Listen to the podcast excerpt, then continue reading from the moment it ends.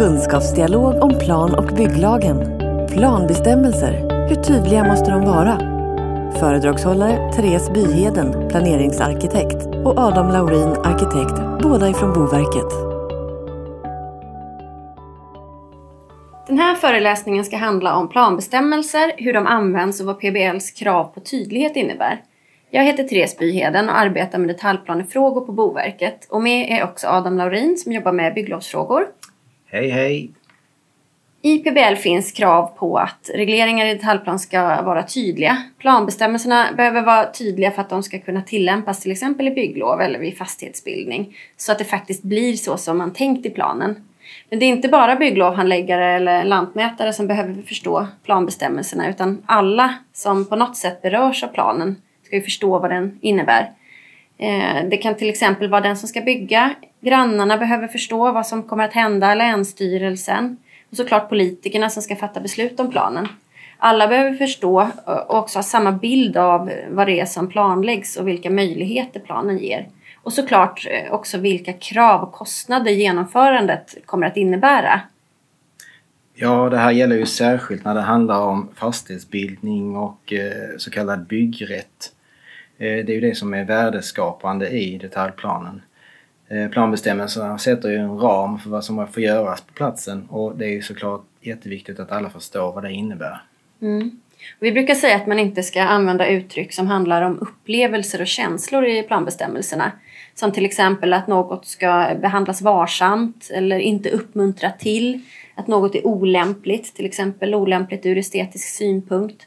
Sådana formuleringar kan ju innebära olika saker beroende på vem det är som läser dem. Ja, sådana otydliga exempel finns det dessvärre gott om. Eh, Bygglovanläggare och även byggaktörerna brottas ju allt för ofta med till exempel att något ska ha en lätt utformning eller ska vara identitetsskapande. Eller fasaderna ska sjunga som jag har läst någonstans. Ja, och bestämmelserna ska inte heller formuleras att de kräver ytterligare bedömningar eller utredningar längre fram. Eh, till exempel om det finns föroreningar så ska de saneras eller om det bullrar mer än 60 decibel så ska man bygga på ett visst sätt. De här sakerna måste ju vara klarlagda när man antar planen för att kommunen ska kunna vara säker på att platsen är lämplig. Alltså det som i PBL kallas lokalisering. Och alla måste ju också förstå vad som krävs för att det ska gå att bygga på platsen. Eh, för att avgöra hur tydliga bestämmelserna behöver vara så behöver man fundera på hur de ska tillämpas Eh, för bestämmelser som omhändertas i bygglov behöver man veta hur mycket man kan lämna till lovskedet. När det behövs och när det inte behövs planbestämmelser. Eh, och hur tydliga de i sådant fall måste vara för att syftet med bestämmelsen ska uppnås. Ja, planbestämmelser har ju såklart jättestor betydelse i bygglovet. Eh, helt enkelt för att det är en av förutsättningarna för att ge bygglov. Ja, det kan ju ofta vara bra att planeraren tar hjälp av den som jobbar med lov när man väljer vad man ska reglera och hur man ska formulera sina planbestämmelser. Ja, ibland hör man ju uttrycket att allt som inte har prövats i detaljplanen prövas i lovet. Men det stämmer inte riktigt. Eh, I bygglov inom detaljplan kan man till exempel aldrig pröva frågor som handlar om lokaliseringskraven i PBL. Eller krav enligt andra lagstiftningar, till exempel miljöbalken. Eh, lovet prövas mot detaljplanens bestämmelser och PBLs bestämmelser om placering och utformning. Och det är allt. Lokaliseringsprövningen ska ju vara avgjord i detaljplanen. Planen garanterar ju att lokaliseringen är lämplig. Eh, vi säger att planbestämmelserna ska vara tydliga och inte innebära ytterligare bedömningar men samtidigt så finns det ju en möjlighet att göra bedömningar i lovskedet. Så hur mycket kan man lämna till bygglovet? Om man till exempel bara reglerar att ett område ska användas till bostäder utan att på något sätt reglera byggrätten eller utformningen så innebär ju inte det att man kan bygga hur mycket som helst eller att det får se ut hur som helst, eller hur? Ja, om en detaljplan som i ditt exempel bara reglerar ändamålet till bostäder så innebär det såklart inte att det är fritt fram att bygga hur mycket bostäder som helst. PBLs krav på till exempel hänsyn till stads och landskapsbilden eller krav på parkering och angöring eller frågan om olägenhet för omgivningen gör ju att bebyggandet begränsas till det som i lagens mening är lämpligt. Men eftersom detaljplanen inte anger några som helst bestämmelser som sätter ramarna för byggnaders storlek eller antal, placering, utformning så blir det mycket svårare och mer omfattande bedömningar i bygglovet. Gör man en så öppen detaljplan så handlar det i lovet då om att uppfylla kraven i PBL. Alltså att det inte blir olämpligt med hänsyn till till exempel stadsbilden. Ja, precis. Eh, det finns ju en vilja att vara så flexibel som möjligt i detaljplanen. PBL säger ju också att detaljplanen inte ska omfatta mer än nödvändigt. Jag hör ofta att tydliga planbestämmelser ger mindre flexibilitet, men en plan kan ju vara flexibel på så sätt att den inte detaljreglerar området, men planbestämmelserna kan ju fortfarande vara tydliga.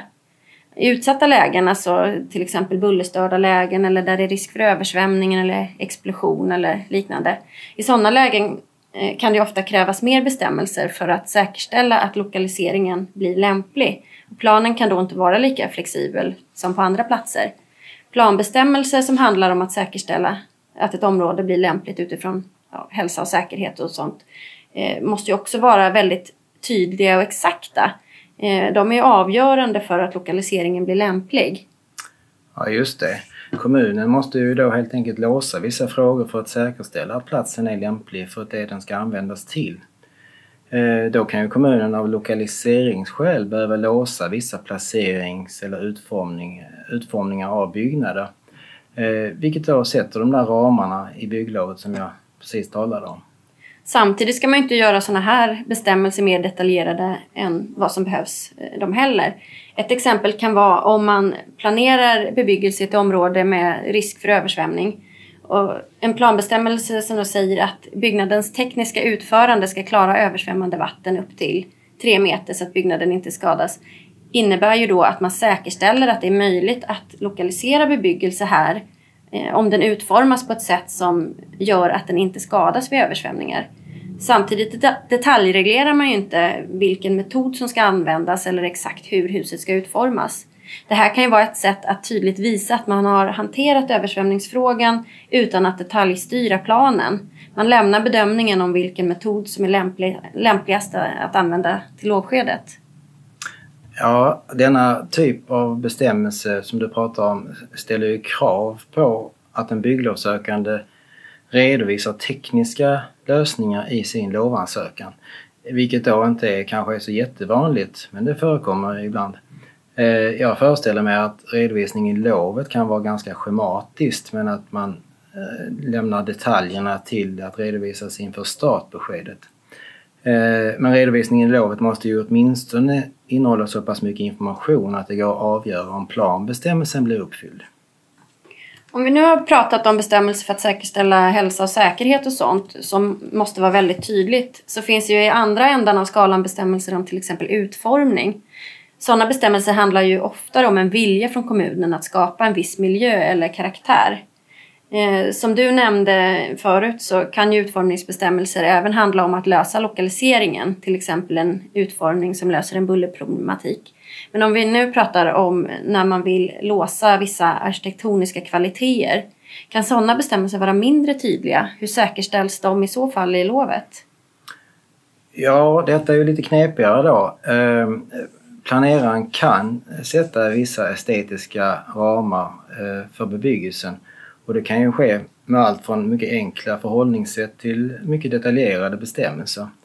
Eh, om utformnings, utformningsbestämmelser avseende estetik förs in i planen så kan planeraren vara väldigt konkret och till exempel bestämma byggnaders inbördes storlek, placering, yttre färg och form, material på tak och fasad, vilket gör planen statisk och oflexibel. Men samtidigt så låses ju vissa kvaliteter så länge planen gäller och tolkningen av planen underlättas ju också. Men om samma kvaliteter vill uppnås och låsas med mer övergripande och i viss mån otydligare bestämmelser så kan ju planen bli, blir planen mer, mer flexibel. Eh, byggaktören har ju då möjlighet att åstadkomma dessa kvaliteter på sitt sätt kan man säga. Eh, och kommunen måste då vara beredd på att den bild som man har av vad planen medger kan ju bli lite annorlunda trots att Eh, de här kraven som, som ställs eh, uppfylls. Eh, här krävs då en högre grad av arkitektkompetens menar vi i själva bygglovet både hos byggaktören och hos bygglovanläggaren. Men är det möjligt att bara reglera att ett område ska ha vissa kvaliteter eller estetiska värden utan att tala om i detalj hur till exempel byggnader ska utformas? Eh, om man skriver en väldigt översiktlig planbestämmelse och sen beskriver vad värdena eller kvaliteterna består av i planbeskrivningen, skulle det funka? Ja, som jag nämnde innan så bör ju detaljplanen innehålla vissa ramar utöver lagens minimikrav. Eh, jag menar att detaljplanen alltid bör låsa de strukturella frågorna eh, med någon form av placerings eller volymbestämmelse som ger förutsättningar för grundläggande arkitektoniska kvaliteter som till exempel dagsljus eller siktlinjer. Ehm, om sedan planen förses med fler och mer detaljerade bestämmelser så bör de ju ha stöd i underliggande utredningar och ställningstagande och självfallet, också vara beskrivna i, ehm, i planbeskrivningen.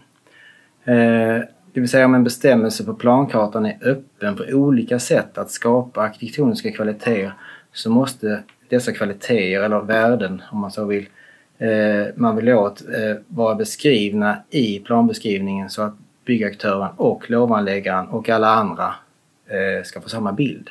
Så om man har en fluffig bestämmelse så behöver man tydligt beskriva värdena i planbeskrivningen. Ja, precis. precis. Eh, jag tänker att det ibland kunde vara en fördel om planbestämmelser kunde formuleras mer som funktionsbaserade krav, lite grann som i Boverkets byggregler. Särskilt vid planläggning av befintliga miljöer. Eh, till exempel om man funderar på en planbestämmelse som mm, i stil med eh, på takfallet mot norr får förekomma högst fem takfönster i den och den storleken och regelbundet placerade i linje med varandra och så vidare. Då kanske man istället skulle kunna sköta regleringen med funktionskrav som behovet av dagsljus eh, till översta utrymmet i byggnaden ska tillgodoses från söder på takfallet mot norr får enbart mindre takfönster förekomma. Detta öppnar ju upp för en mer flexibel men också en, en fackmannamässig hantering i bygglovet. Eh, men det är ju frågan om det här är tillräckligt tydligt. Men för att kunna ställa arkitektoniska krav i lovet så behöver det i alla fall finnas planbestämmelser att utgå ifrån. Annars är det bara PBLs grundläggande krav som gäller. Ja, saknas det bestämmelser om detta så blir det ju mer en allmän lämplighetsbedömning i lovet och kommunen måste då ha ja, ganska mycket på fötterna för att hävda något som är eh, hävda att något som är tillåtet i planen strider mot PBLs krav. Av det här samtalet så kan man ju i alla fall konstatera att det inte är lätt att avgöra var gränsen går för att en planbestämmelse ska vara tydlig eller otydlig. Men man behöver i alla fall fundera på hur bestämmelsen ska tillämpas och vad syftet med den är. Och kanske kan olika typer av planbestämmelser vara olika tydliga. Ja, det tror jag absolut. Eh, och det är ju viktigt att skilja på det som man kallar, kallar, kallar otydliga eller otydligt formulerade planbestämmelser och bestämmelser som är tydligt formulerade men som lämnar utrymme för en bedömning i lovskedet. Nu tänkte vi lämna er att diskutera tydliga och otydliga planbestämmelser. Tack för oss! Hejdå!